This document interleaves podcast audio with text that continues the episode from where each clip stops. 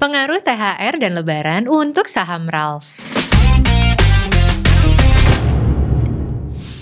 Pertumbuhan bisnis retail di Indonesia memiliki peluang yang luar biasa. Hal ini tentunya seiring dengan pertumbuhan populasi di Indonesia yang terus bertumbuh. Kali ini Superstock akan membawakan analisa dari saham Ramayana Lestari Sentosa karena biasanya kinerjanya menjelang lebaran ini justru cenderung meningkat. Bagaimana potensi saham RALS atau Ramayana Lestari Sentosa kali ini? Langsung saja kita tanya Christine Natasha, Research Analyst Mirai Aset Sekuritas Indonesia. Hai Christine. Hai Alia. Ramayana Lestari Sentosa merupakan salah satu perusahaan retail yang terbilang cukup lama bertahan di Indonesia. Bisa diceritakan bagaimana sejarah perkembangan RALS di Indonesia? Jadi Ramayana Lestari Sentosa pertama kali didirikan tahun 1978 oleh Bapak Paulus Tumeu dan Ramayana go public di tahun 1983. Jadi Ramayana ini menjual pakaian uh, untuk wanita, pria dan juga anak-anak dan dia juga menjual barang-barang lain seperti uh, sepatu dan juga lain-lainnya. Dan uh, as of Juni 2019, Ramayana memiliki 117 toko yang tersebar di lebih dari 60 kota di seluruh Indonesia. Dan Rals um, memulai membuka uh, toko supermarketnya ini di dalam department store Ramayana sejak tahun 1980. Jadi Ramayana ini sudah berdiri lebih dari 40 tahun ya? Iya benar, dan Ramayana berhasil survive uh, berkat historical bisnisnya yang kuat dan mereka juga melakukan banyak transformasi bisnisnya terutama di tahun 2017. Jadi mereka juga sempat membuka Ramayana Prime di salah satu mall di Jakarta Timur dan Ramayana Prime ini menyasar ke segmen menengah ke atas. Oke, padahal sebelumnya berarti segmen yang dituju oleh Ramayana ini menengah ke bawah ya?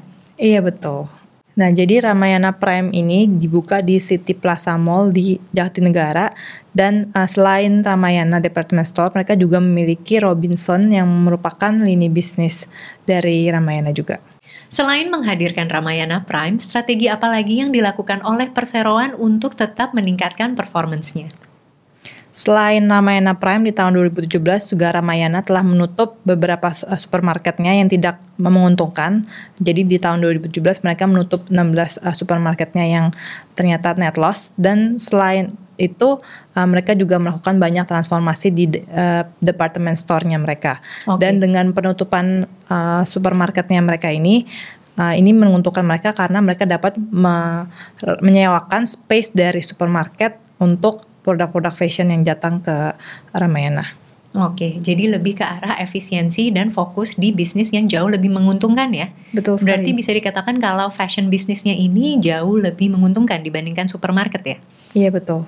Dan sebagai tambahan di tahun 2018, Ramayana menutup kembali toko supermarketnya dia sebanyak 15-20 toko karena sebagian besar atau setengah dari total supermarket yang ada di tahun tersebut uh, ternyata tidak menguntungkan. Dan kalau kita lihat setelah penutupan supermarket-supermarket tersebut, Rals berhasil membukukan pre-tax profit di akhir tahun 2017.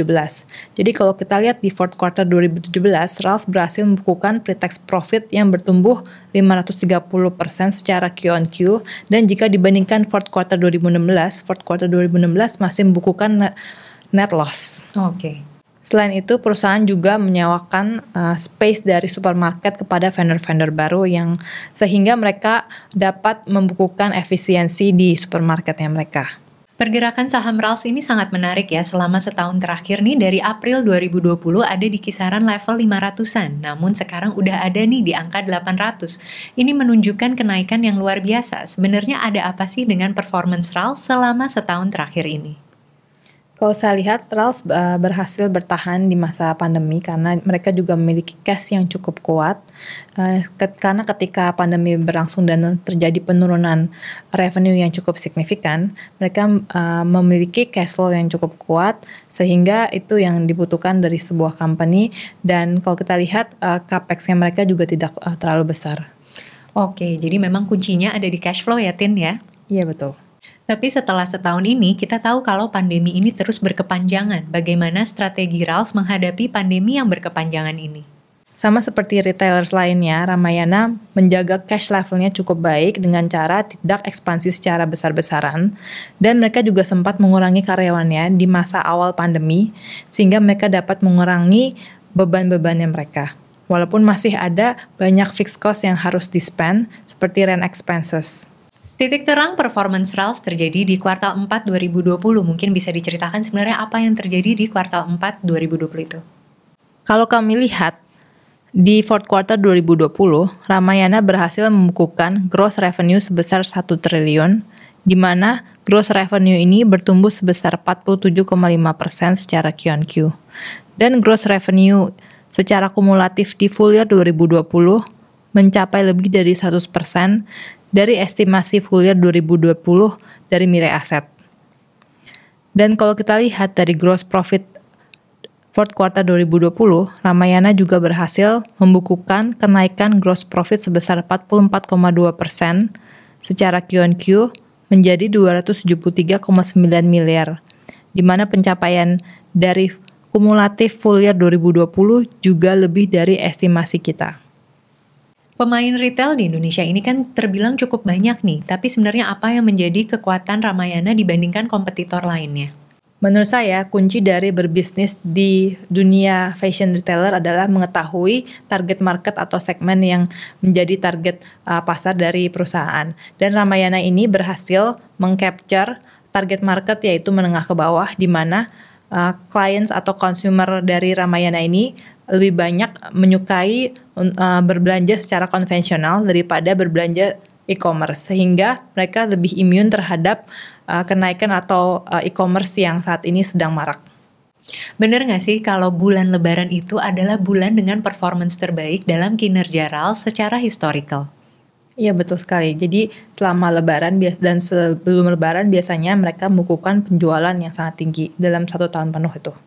Tapi bagaimana nih dengan nasib Ramayana Lestari Sentosa di tengah pandemi yang terus berkepanjangan hingga 2021 ini? Karena lebaran jatuhnya itu di second quarter tahun ini, menurut Ramayana, mereka dapat membukukan gross revenue sebesar 2 triliun di second quarter 2021. Namun menurut kami, mereka dapat membukukan gross revenue yang lebih tinggi dari 2 triliun, di mana kita punya asumsi adalah sebesar 2,3 triliun gross revenue di second quarter, di mana ini bertumbuh 174% secara year on year. Namun, di first quarter 2021, perseroan masih akan membukukan penurunan revenue yang sebesar sekitar 40% secara year on year menurut estimasi kami. Faktor apa yang menjadi pertimbangan research Mirai Aset Sekuritas Indonesia kalau proyeksi revenue ini bisa bertumbuh lebih tinggi dibandingkan dengan proyeksi perusahaan? Menurut Mirai Aset Sekuritas, kami melihat bahwa tahun lalu represents a very low base dan tahun ini kalau kami lihat uh, traffic sudah jauh lebih baik dibandingkan second quarter di 2020 dan kalau kita lihat THR di tahun ini juga sudah mulai diberlakukan kembali oleh pemerintah. Dikabarkan manajemen RALS melakukan aksi shares buyback nih. Apa sih yang mendorong manajemen untuk melakukan corporate action ini? Kalau menurut saya, ini dikarenakan karena Ramayana memiliki cash yang cukup banyak dan perusahaan juga masih melihat bahwa prospek dari perusahaan mereka masih sangat baik ke depannya hanya karena um, musim pandemi ini membuat mereka punya penjualan sedikit menurun. Oke, tapi pernah nggak terjadi buyback shares ini sebelumnya? Buyback shares ini pernah terjadi di tahun 2015 sampai 2016. Oke, jadi quite common practice ya untuk RALS ya? Iya, betul. Dengan kekuatan cash yang terbilang cukup banyak, berapa yang dialokasikan oleh perusahaan untuk corporate shares buyback ini? Jadi pada tanggal 14 April kemarin, shareholders dari perusahaan telah menyetujui untuk buyback saham dari RALS sejumlah 354,8 juta saham atau equivalent to 350 miliar rupiah di mana kalau secara rata-rata ada di sekitaran harga 990. Sebagai tambahan, total buyback shares-nya mereka yang sebesar 354,8 juta saham ini um, berjumlah sekitaran 5% dari total paid up capital dari Ramayana. Bagaimana valuasi saham RALS beserta rekomendasinya?